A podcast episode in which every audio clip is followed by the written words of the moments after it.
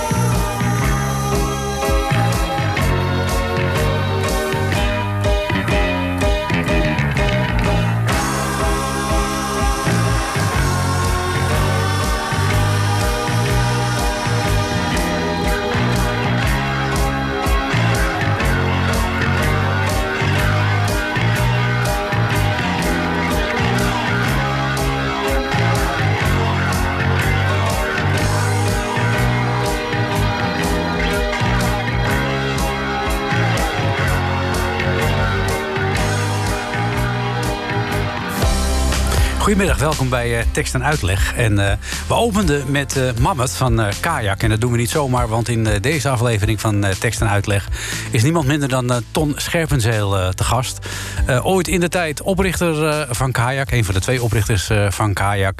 Vervolgens heel veel verschillende dingen gedaan. Ik noem een paar dingen. Hij heeft onder andere gespeeld in Camel. Hij is de vaste huismuzikant, componist van Joep van het Hek. Heeft stukken geschreven voor Opus One. Heeft diverse andere projecten gedaan. Kortom, eh, ruime gesprekstof om een eh, uur tekst en uitleg eh, mee te vullen. Goedemiddag, Ton. Goedemiddag, Jos. Ja, ehm, laten we eens even beginnen bij het begin. Want de, de oprichting van Kajak, hoe ging dat in de tijd? Heb je een uurtje? Nee, dat, Ja, dat- ja, dat precies- is, precies een uur, maar niet langer. een uurtje, maar, Ja. Ehm, ja, dat is geleidelijk gebeurd. Ehm, de, de echte basis ligt nog, nog eerder, een paar jaar eerder. Ehm, met eh, Pim Koopman eh, en mijzelf. Die eh, zaten op dezelfde school, op dezelfde, op dezelfde muzieklyceum. Daar voegde zich later zanger Max Werner bij. Maar Pim en ik woonden in dezelfde buurt. Onze ouders werkten bij de omroep. In Hilversum was dat, In? Hilversum, ja. Ja. Dus we zaten beide op de OSO vo- volleybalclub. Dat is voor muzikanten geen handige sport, kan ik melden.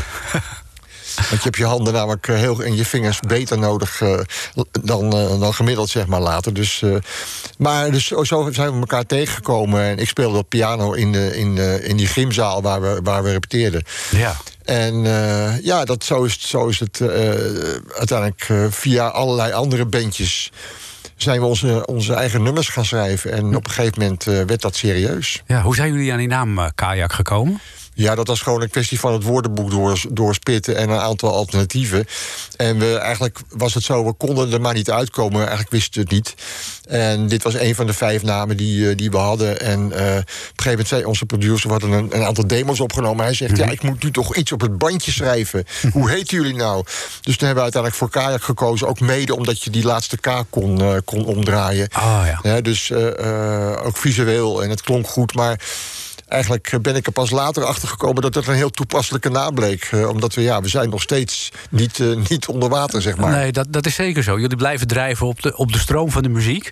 Uh, in die tijd begon jij net, stond jij aan het begin van je carrière. Ben je thuis heel muzikaal opgegroeid? Of is dat iets wat je zelf ontwikkeld hebt? Nou, er zit wel muziek in de familie. Mijn, mijn familie van moederskant, daar zitten orkestmuzikanten in. Mijn moeder had dat ook graag gedaan, maar dat is er nooit van gekomen. Die speelde viool. Uh, mijn vader probeerde het blokfluit te spelen, maar dat, uh, hij is de enige die ik ken die vals blokfluit kon spelen. dus van hem heb ik het zeker niet. Uh, maar ja, ik heb altijd uh, pianoles gehad en zo. Ja. En, en op een gegeven moment toen op de middelbare school dacht ik van, uh, wat doe ik hier eigenlijk? En dat, dat was echt een uh, grote vraag voor mij. Ik had werkelijk geen idee wat, Hm. wat ik daaraan doen was. En toen zei ik op een gegeven moment tegen mijn ouders van... ik wil van school af. Nou, maar dan moet je toch wel iets anders gaan doen. Iets van een studie of zo. En ik uh, speelde basgitaar in een bandje. Dus ik dacht, kom, ik ga contrabas doen. Dus dat was mijn way out van de middelbare school. Ik ben uh, contrabas gaan studeren op het Hilversumse Muzieklyceum. Dat bestond toen, een muzieklyceum? Dat bestond toen, ja. Het, het heette later de, de, vakopleiding, Hilversumse vakopleiding. En uh, niet echt een conservatorium, maar zeg maar, als je, als je je best deed... kon je doorstromen naar Utrecht. Uh, dat deed ik natuurlijk niet, want ik had hele andere bezigheden. Het was. Uh, toen kwam langzamerhand met uh, Kaya kwam op. Mm -hmm. En dus ik had nooit meer tijd om, om ook maar fatsoenlijk bas te studeren. Uh, en uh, toen ben ik daar ook afgegaan. Dus uh, nou ja, goed, zo is het ongeveer gekomen. Maar hoe ben jij dan geswitcht van, van bas naar, naar toetsen? Want we kennen jou voornamelijk als de man die de toetsen beroert. Ja, nou ja, ik, ik, ik voel me eigenlijk bassist.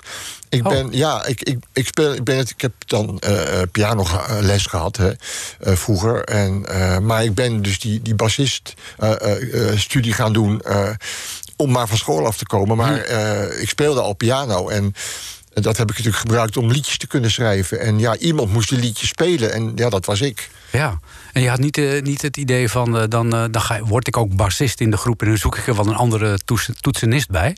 Nee, want het is aanzienlijk lastiger om, om goede toetsenisten te vinden... dan goede bassisten. Oh ja? En ik, ja, over het algemeen wel. Ja. Ja, het is, en zeker als, als ze wat ingewikkelde dingen moeten spelen. En ik ben natuurlijk, ja... Uh, ik heb natuurlijk mijn eigen, mijn eigen visie, mijn eigen ideeën over hoe liedjes moeten klinken. Ja, en die moet ik dan echt zelf spelen. Er zit niks anders op. Ja, nou, dus eigenlijk een beetje uh, toetsenist te, tegen wil en dank. Nou, dat is wel te sterk gezegd. Maar ik ben, zeg maar, op het moment dat wij met de band zonder bassist zaten... en dat is een aantal mm -hmm. keren voorgekomen... Uh, uh, heb ik de baspartij ingespeeld op de plaat. Ah. Dus dat, uh, ik, ik, nam de gelegenheid wel te baat. Ja, dat dus, kun je zeggen. Ja, ja, ja. ja. Um, ja nu, dus uh, bijna 50 jaar later, ja. uh, een nieuwe LP van Kajak. Dat betekent uh, de hoeveelste hergeboorte van Kajak is dit? Ja, dat, dat, kan je op een aantal, aantal, manieren bekijken. We hebben natuurlijk een aantal bezettingswisselingen gehad, soms vrij rigoureus. Mm -hmm. en, maar het is de 18e, uh, 18e LP, CD. Album, ja. zeg maar. Ja, en dan lees je, want je leest dan altijd... tegenwoordig kun je op Facebook en op allerlei andere sociale media... reviews lezen. Ja. Uh, het is een echte kajak... Uh, LP wou ik bijna zeggen, maar een echt kajak-album geworden. Uh, vind je dat zelf ook zo? Ik weet niet precies wat de mensen daarmee bedoelen, maar ik, ik, ook niet. ik denk misschien wel weer een beetje die sound van de jaren zeventig. Ja, ik weet het niet. Ik heb geen idee wat ze daarmee bedoelen. En uh, er zijn ook mensen die, die horen dan een bepaald nummer en dan zeggen ze: Nou, dat is echt geen kajak. Oh. He, bijvoorbeeld het nummer uh, Waiting van een nieuwe plaat. En ja, dan, dan, en dan vraag ik wel eens: wat is kajak dan? Ja, en dan, dan krijg je er allerlei verschillende antwoorden op. Dus hm. ik weet het ook niet. Nee. Ik ga nou. mijn neus achterna en. Uh, ik maak wat ik maak. Ja, en, en, en is er een bepaald recept dat jij nee. volgt? Een bepaalde nee. inslag dat je denkt van nou, ik wil toch een beetje die kant op. Het moet niet te veel dit of te veel dat worden. Nou ja, kijk, ik, ik heb natuurlijk eh, in de loop der jaren heel veel verschillende dingen geschreven. Ook voor theater. Ik heb voor Joep van Teck heel veel geschreven. Je noemde net Opus One, die ballet en, en musicals. Ik heb eh, iets van 30 uh, jeugdmusicals geschreven voor, voor Jeugdtheater Hofplein. En dat wordt nog regelmatig op scholen en zo gespeeld. Maar dus ik heb, ik heb van alles gedaan. Ik heb. Dus ik, ik, ik hoef me eigenlijk niet daartoe te beperken. Maar voor een band is het natuurlijk een ander verhaal. Je kan niet een countryplaat ineens gaan maken en dan nog steeds kajak noemen. Dat, is, dat gaat wel ver. Ja. Maar voor de rest laat ik me niet zo heel erg beperken door, door muzikale. Uh, muren, zeg maar. Nee. Ik, ik, probeer daar wel een beetje uh, uit te breken, maar je zit wel met een band. We gaan luisteren naar Out of This World. Uh, dus het titelnummer van de laatste CD. Wou ik, kijk, ik zit nog in de LP en CD-hoeken. Dat blijkt wel. Nou ja, LP laatste... mag weer, hè? Het ja, LP mag wel, ja. Dus, ja. Oh, ja, dus dat kan. Dus van de laatste LP van Kayak, Out of This World. En als je denkt van, nou, dit is echt een kajaknummer, laat het maar weten. Als je denkt van, het is echt geen kajaknummer, laat je het ook maar weten. Je kunt altijd een mailtje sturen naar tekst en uitleg nhradio.nl.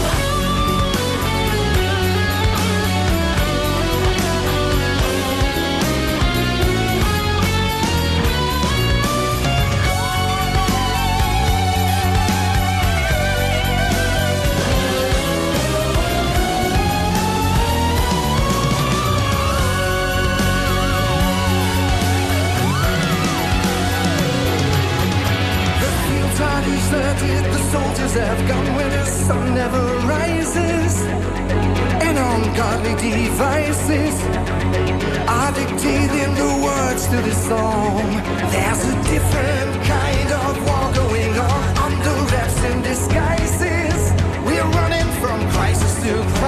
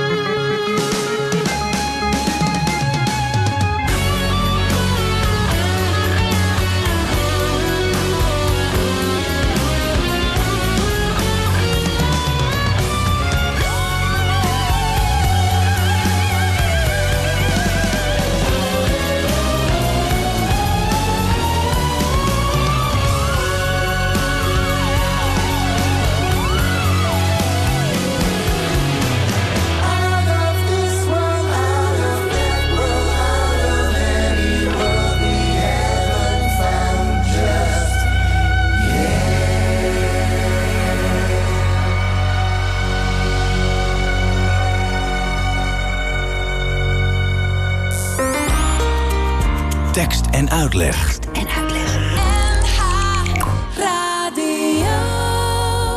Toch vond ik het wel een echt kajaknummer, Ton.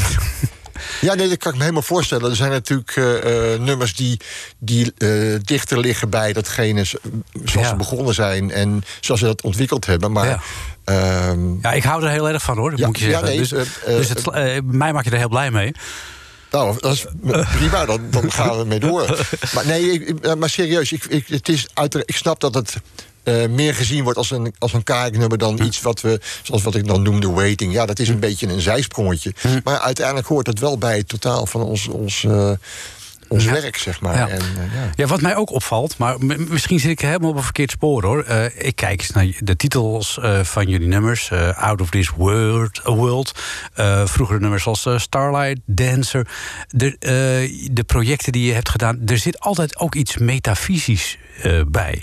Eh, Absoluut, ja. zit, zit dat, eh, hoe, hoe- wa- wat heb je, ja, is daar iets wat jou inspireert in die wereld?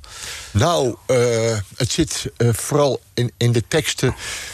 omdat ik vaak heel veel metaforen gebruik in de teksten. Hè, ik vind het altijd leuk als een tekst ehm, niet alleen maar gaat over waar het over gaat. En eh, ik zeg altijd, ik vind het eigenlijk belangrijker wat de mensen eruit halen dan wat ik erin stop. Hè? En eh, soms dan hoor je wel eens men- mensen die zeggen dan... oh, wat, wat fijn dat het nummer daar en daarover gaat. En wat dan denk ik van, ja, maar daar gaat het helemaal niet over. Maar dat maakt niet uit eigenlijk. En ehm, ik gebruik inderdaad graag metaforen voor andere dingen. En dat geeft meteen een bepaalde laag aan de tekst. Ja. En de, de manier waarop ik de tekst schrijf is vaak... eh, ik begin maar ergens en ik heb soms een zin of een kreet of, een, of een coupletje. En dan weet ik nog niet eens waar het over gaat. En dat merk ik pas als ik de tekst heb uitgepakt. Dus ik, ik zie het als een soort van eh, beeldhouwwerk. Alleen je, je hebt een klomp steen voor je, of klei, wat het nou ook is. En dat ben je aan het uitpakken. En op een gegeven moment. eh, een, een beeldhouwer zal absoluut weten wat hij aan het doen is. Maar als ik dat zou doen, zou ik het niet weten. En dan op een gegeven moment merk ik, oh, dit gaat het worden. En dan, dan, dan ga ik het sturen, dan weet ik waar ik heen wil. Ja. En dan weet ik van, dit hoort er niet bij, dit hoort er wel bij, dit past mooi. Eh, en ik zoek, ik laat me ook, zeg maar, eh, ja, ze groeien heel organisch, die teksten. En steeds meer ook in combinatie met de muziek. Ja, en, en, en eh, doe je dat in je eentje dan? Of heb je daar sparringpartners bij? Eh, dat hangt er vanaf. Als we, eh, eh, we, we hebben een aantal rockopera's gedaan. En dan werk ik heel veel samen met mijn vrouw. Die is ook, ook tekstschrijver. Is dat Irene? Irene, ja. ja, Ja, ja, waar je ook een nummer op hebt ja, geschreven? ja, dat was de- heel lang geleden. hele verliefde begintijd. Ja, ja, ja, ja. Nou, een mooi nummer ook hoor. De En- verliefdheid spat er vanaf. Ja, ja, dat klopt ook, ja.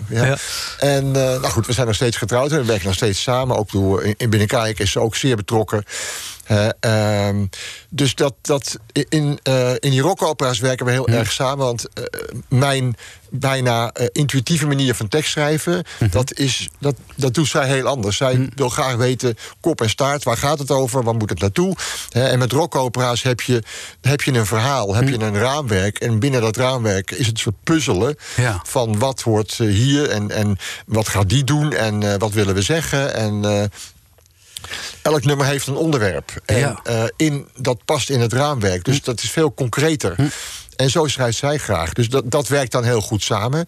Maar als ik zo intuïtief, organisch en metaforisch te werk ga... ja, dat, dat, dat moet ik alleen doen. En... eh, omdat ik, ik wil ook mijn eigen fouten maken. Ik moet niet alles hoeven overleggen. Hè. En dat met een rockopera kan je dat wel doen. Want je, je, hebt natuurlijk een, ja, je moet overleggen van welk stuk moet er nu komen. Ja, wat- binnen bepaalde structuren passen. Natuurlijk, je kan niet zomaar een liedje gaan schrijven. Want ja, dan weet je niet of het überhaupt erin terechtkomt. Dus dat is veel concreter en gerichter werken. En ik merk pas bij de liedjes die ik, die ik alleen schrijf, zeg maar. eh, waardoor ik me ook steeds meer laat inspireren door de, door de muziek. Vroeger was het vaak dat ik een, een, eh, het nummer al af had. Misschien een titel, een halve kreet.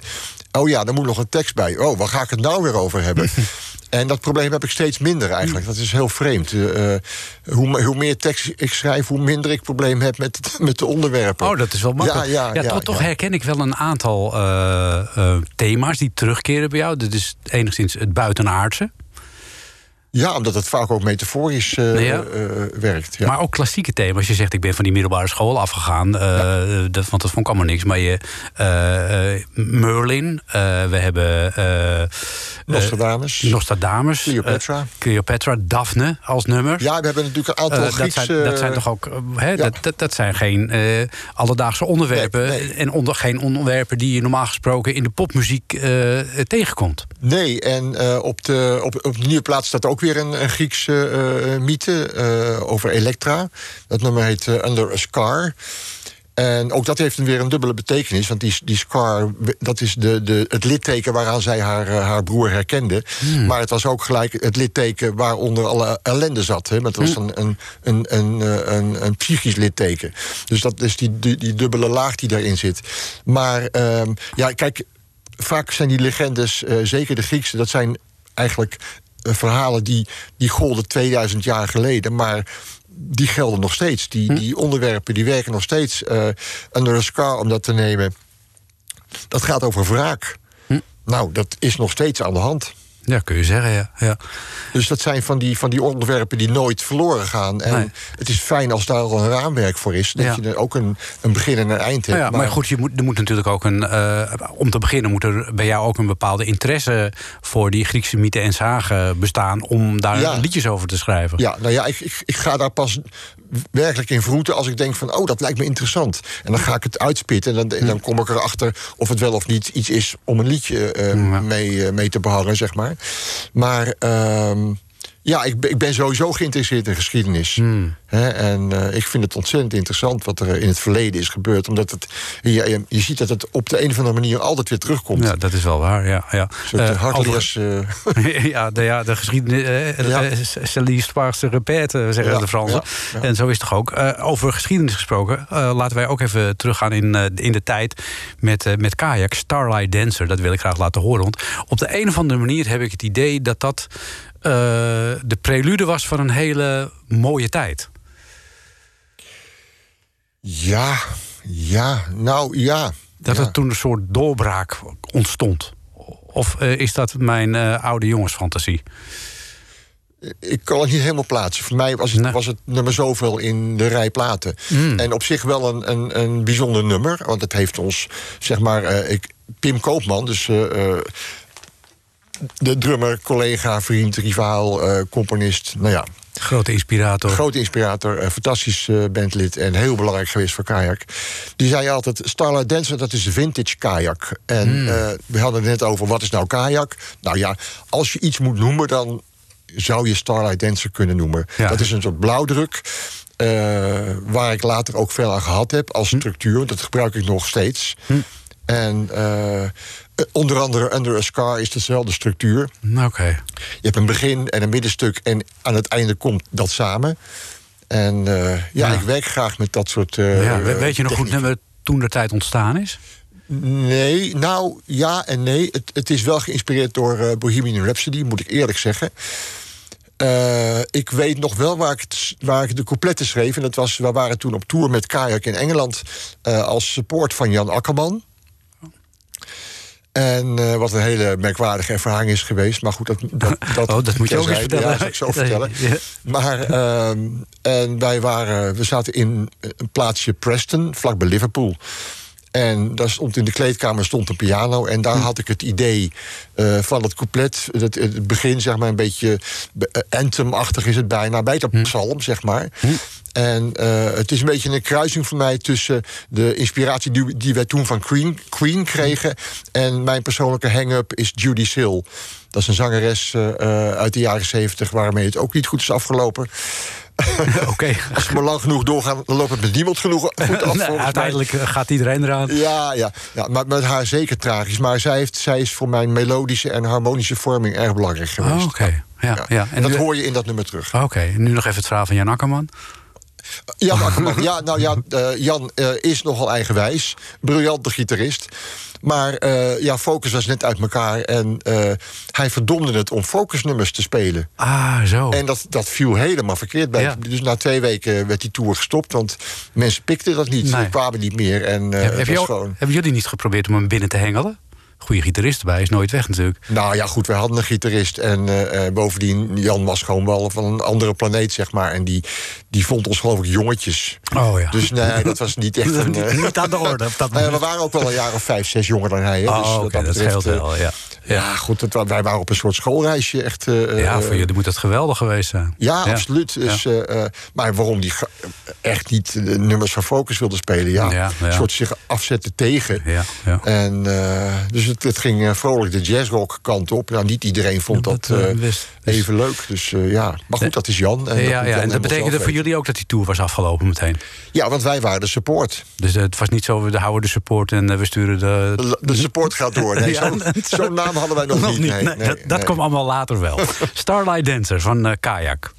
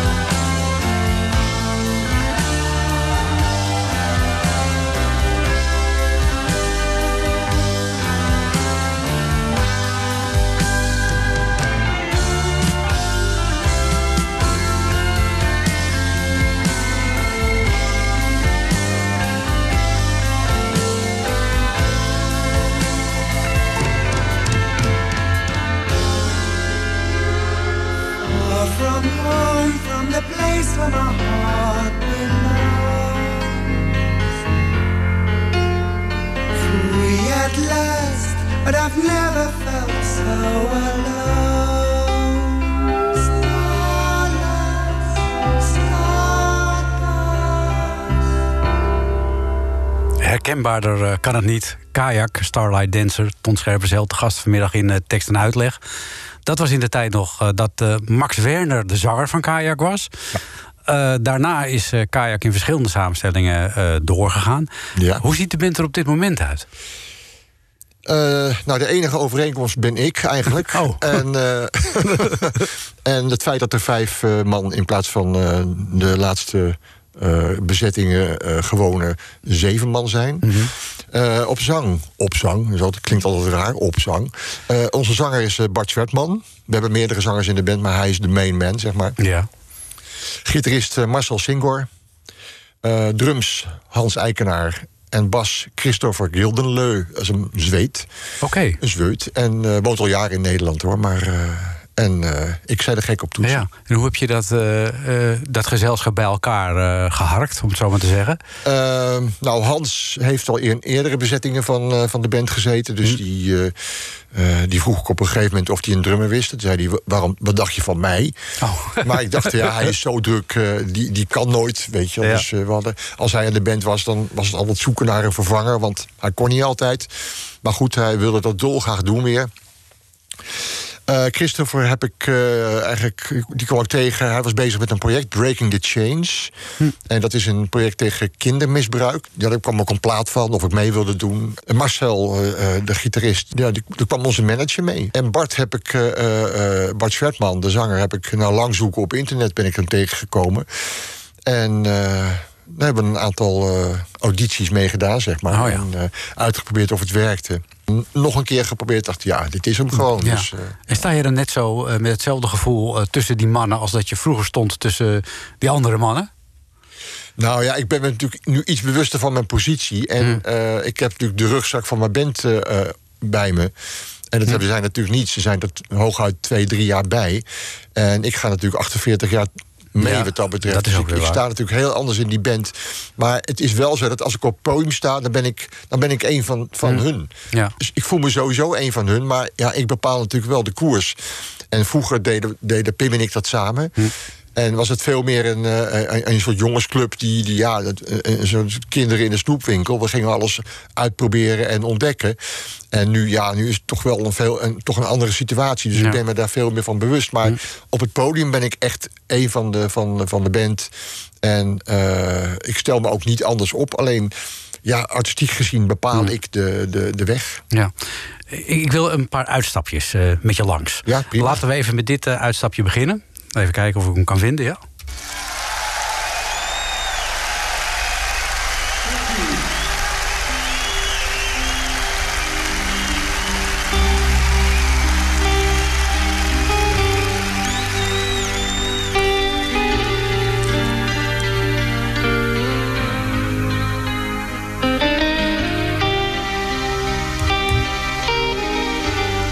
Geen kajak.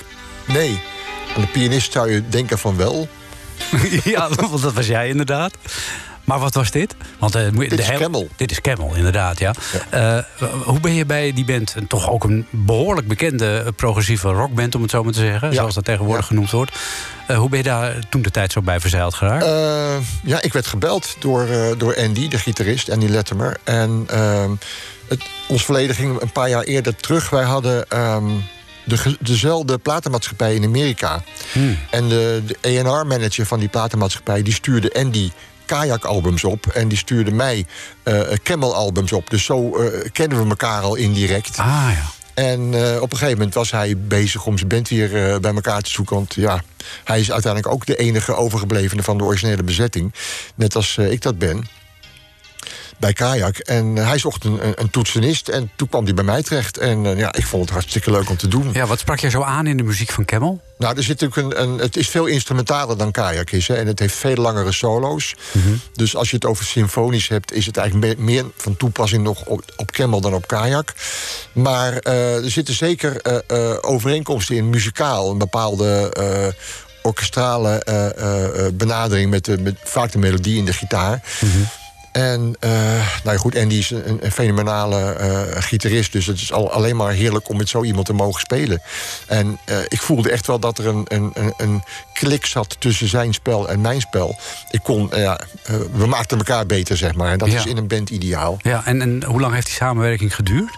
Sorry? Hoe lang heeft dat geduurd, die samenwerking? Eh, nou, op zich, dat waren kortere periodes. Ik, ik, ik deed mee aan de, aan de eh, CD toen, eh, Stationary Traveler.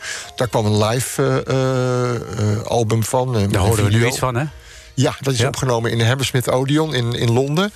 En ja, toen was het weer een paar jaar klaar. En toen ben ik uiteindelijk weer, ik geloof, in de jaren negentig nog een keer mee geweest. Toen in 2003 nog een keer. Toen dacht iedereen dat is de laatste tour, maar niks was minder waard. En toen kregen ze dus eh, de Retirement Sucks Tour in eh, 2015. Daar viel ik in voor de, de toetsenist eh, die ze toen hadden. En eh, die is uiteindelijk ziek geworden en eh, niet meer beter geworden. Oh. En eh, daarna heb ik in 2016 nog een tour gedaan door Europa met ze. En eh, dus over een heel veel jaren verspreid, zeg maar, eh, vier keer een flinke periode. Ja. En, en was het dan ook zo dat je voor Camel ook nummers kon schrijven? Of was dat echt iets voor Andy Lettermer? Nou, ik heb één nummer meegeschreven. Ja, Hmm. maar kijk, dat is. Nee, dat, dit was het ding van Andy. Ja. En eh, ik verwachtte ook niet dat ik dat zou doen. Nee. Eh, ik speelde het bij, bij hem thuis. eh, we waren bezig met de opnames van die eerste CD. En ik speelde het Afterwards, wat op die, op die CD staat. Ik speelde dat gewoon een beetje voor mezelf. En toen zei Andy, of misschien zijn vrouw, zei van... wat een prachtig stuk is dat, kunnen we dat niet gebruiken? Zei, ja, tuurlijk, prima. Dus dat paste heel mooi in het concept van het, van het album. En, eh, maar dat was wel een uitzondering. Bedoel, Hij is de, de, de, de, de maker van de nummers Ja. de Camel. En eh, hij heeft dat verleden met die band. En ik verwacht niet dat ik een gelijkwaardig aandeel daarin zou krijgen. nee. Dus alles was meegenomen en Ja. mooi. En, eh, ja. Maar een mooie tijd geweest dus ook in ieder geval. ja, absoluut. Ik kijk er met heel veel plezier op terug. En ja, ik kan niet anders zeggen Ja. dat ik er heel veel eh, Ja. mooie tijd heb gehad. Dan gaan we naar een ander uitstapje. Dan komen we bij iets heel anders terecht. We gaan er eerst even naar luisteren. En daarna mag je vertellen hoe jij bij eh Joep van Teck bent terechtgekomen.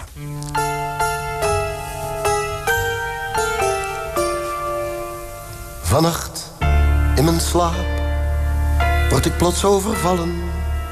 Straks komt een auto en die rijdt me kapot. Wanneer zal de dood zijn fiets bij mij stallen? Wat zal mijn clue zijn? Hoe is mijn plot? Misschien zegt de dokter, meneer nog twee maanden. En word ik door een slepende ziekte gesloopt. Men zegt dat het beter is voor nabestaanden. Maar twee maanden pijn is toch niet wat je hoopt. Deze dag is de eerste van de rest van mijn leven. Dat denken er velen bij hun ontbijt. Terwijl ik altijd denk, ik heb nog maar even. Dit wordt de laatste van een prachtige tijd. Dus moeten we dansen en moeten we vrijen. Moeten we lachen en drinken vol vuur. Hou me vast, want nu ben ik nog bij je. Tijd is toch geld, dus het leven is duur. En ik merk elke dag dat ik me vergis. En dat er dan nog een dag over is. Jij mag niet doodgaan en ik wil niet sterven. Laat staan onze liefste, denk niet aan ons kind. Haar dood zal ons leven voor altijd bederven. Terwijl ze misschien een hemel daar vindt. Niemand mag doodgaan, niemand verdwijnen. Maar je weet net als ik, er gaat steeds zoveel mis. Met auto's en veerboten, vliegtuigen, treinen. Niemand weet hoe laat het is. Vijf voor twaalf of net half zeven? Hoeveel uur heb ik nog? Of rest mij een kwartier? Hoe lang mag ik doorgaan, nog doorgaan met leven? Ik heb echt geen idee en ik grijp het plezier. Dus moeten we dansen en moeten we vrijen. Moeten we lachen en drinken vol vuur. Lief, hou me vast, want nu ben ik nog bij je. Tijd is toch geld, dus het leven is duur. En ik merk elke dag dat ik me vergis. En dat er dan nog een uur over is. Ik weet als ik later groot ben en ook bijna dood ben, dan is al die angst niet nodig geweest. Maar altijd de bangste, altijd die angsten, maakte mijn leven tot een schitterend feest.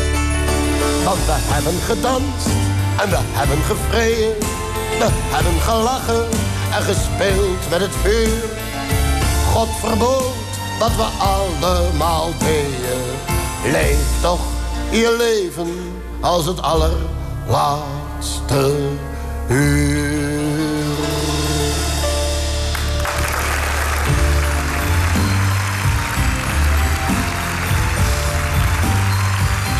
Tekst en uitleg.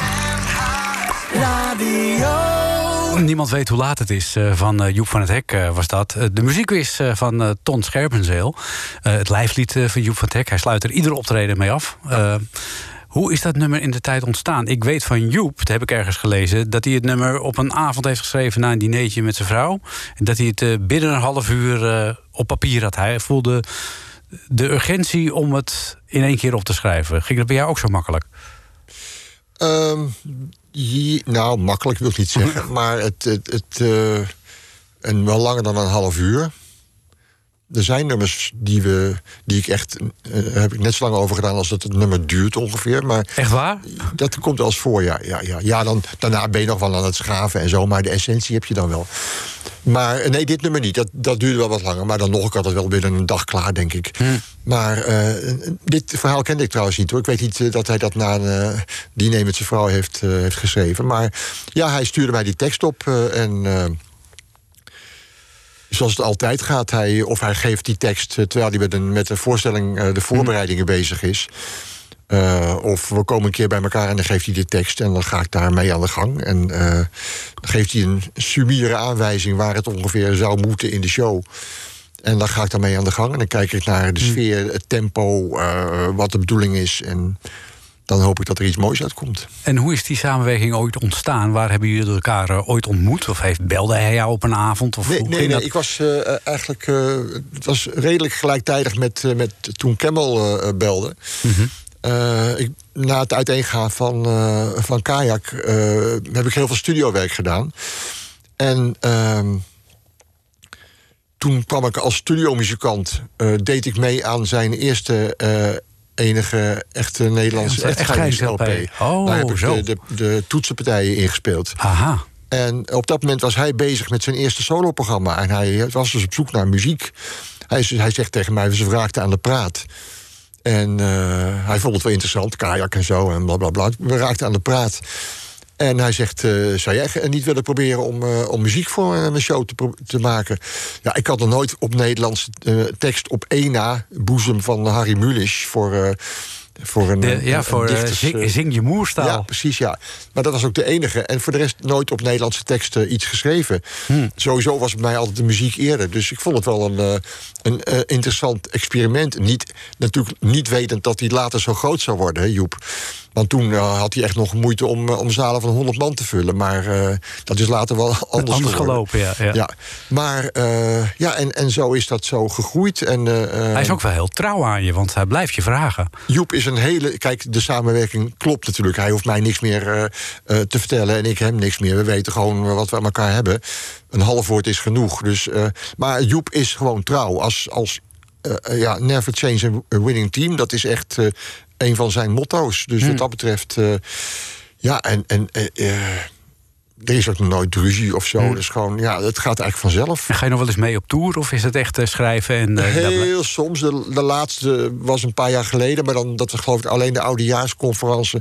En dat duurde drie weken voor Hmm. ons. Hè. Dus er is, is die een paar maanden aan het try-outen. En de laatste drie weken mogen we meedoen. Hmm. Mogen we meedoen? Ja, dat zeg maar, ja, ja, ja. Nou ja, goed, doen we mee, laat ik het Ja. zo zeggen. Maar eh, ja, hij vraagt, hè, dus eh, eh, Ja. ik bepaal niet of er een orkestje meegaat. Oh, zo ja. Dus ehm, daarvoor heb ik een aantal tours gedaan. In, in- in- inderdaad, sommige helemaal. Dat is dan 230 keer om dat de nacht. Dat is veel. Maar eh, op zich leuk. Alleen na, kijk, na, na drie weken is de muzikale uitdaging wel weg. Ja, Hè? dat kan ik me Dus voor voorstellen. een muzikant is dat best wel lastig, want het is meer wachten dan spelen. Ja, dat is ook waar. En ehm, wat dat betreft, eh, eh, degene die het nu alleen doet, is, is nog veel moeilijker voor hem. Rens van der Zalm, een fantastische muzikant. Maar ja, die zit ook meer te wachten en, en, en tot hij, dat hij kan spelen. En dat is best wel een, een stressvol. eh, Mensen denken van, nou, die komt even twee minuten wat doen en dan gaat hij weer weg. Maar reken maar dat die jongen liever doorspeelt. Ja, dat kan ik me voorstellen. Dan blijf je er lekker in zitten. Ja, en het Ja. is gewoon iedere keer even die spanning opbouwen. En dan, als je dan een foutje maakt, die, dat wordt een hele grote fout voor Hm. je in je eigen hoofd. Wat het natuurlijk niet is. En eh, eh, bo- bovendien speelt hij bijna geen fouten. Maar goed, dat vindt hij zelf heel anders. Dus. ehm, en misschien dat we de komende afscheidstoer nog eh, wat mee- weken meegaan. Ja. Oh ja, ja. Eh, tijd vliegt. Eh, en dat maakt altijd dat je moeilijke keuzes moet maken. Ik heb nog twee nummers van Kayak staan van, de nieuwe, van het nieuwe album. Ja. Waiting and Mystery. Dan, dan ga ik jou een soort Sophie's Choice vragen. Wat wil je horen? of moet ik kiezen? Kies jij maar. Dan kies ik voor eh, Waiting. Omdat dat, wat je net ook zei, dat is nou weer een nummer wat niet direct eh, gelinkt wordt zou worden, eventueel aan Kayak. Nee, maar wat wel heel erg mooi is.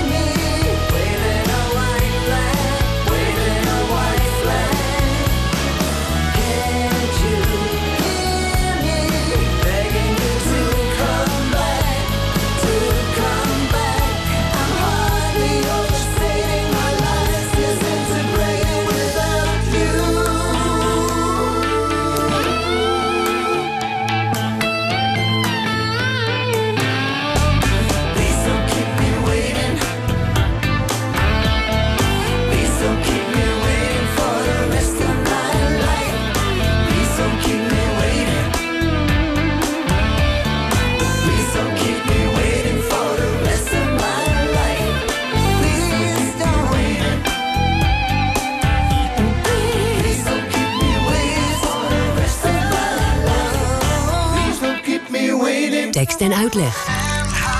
Radio. Waiting was dat eh, van het eh, nieuwe album eh, van Kajak. Ton Scherpenzeel was het afgelopen uur, te gast hier in Tekst en Uitleg. Ik vond het hartstikke leuk, Ton. Eh, voorlopig geen, eh, geen optredens voor jullie ook, hè, denk ik.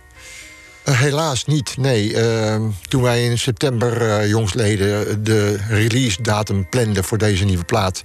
dachten we, nou, in mei is alles wel weer open. Nou ja, niets is minder waar, helaas. Dus ehm, het ziet ernaar uit dat we beginnen volgend jaar iets kunnen plannen. En dat eh, laten we hopen dat dat gaat gebeuren. En voorlopig eh, moeten we doen met eh, jullie prachtig mooie nieuwe album Out of This World. Dankjewel. Leuk dat je er was en graag tot de volgende keer. Dankjewel, graag gedaan. En eh, we kunnen niet anders dan besluiten met eh, de ode, de hyperverliefde ode toen de tijd eh, voor jouw vrouw Irene.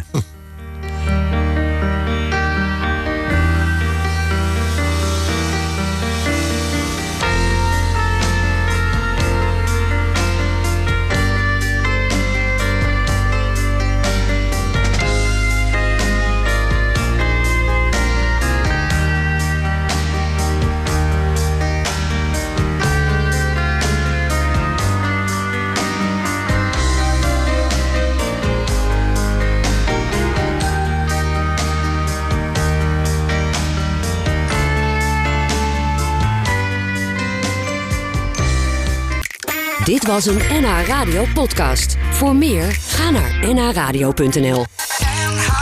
Radio.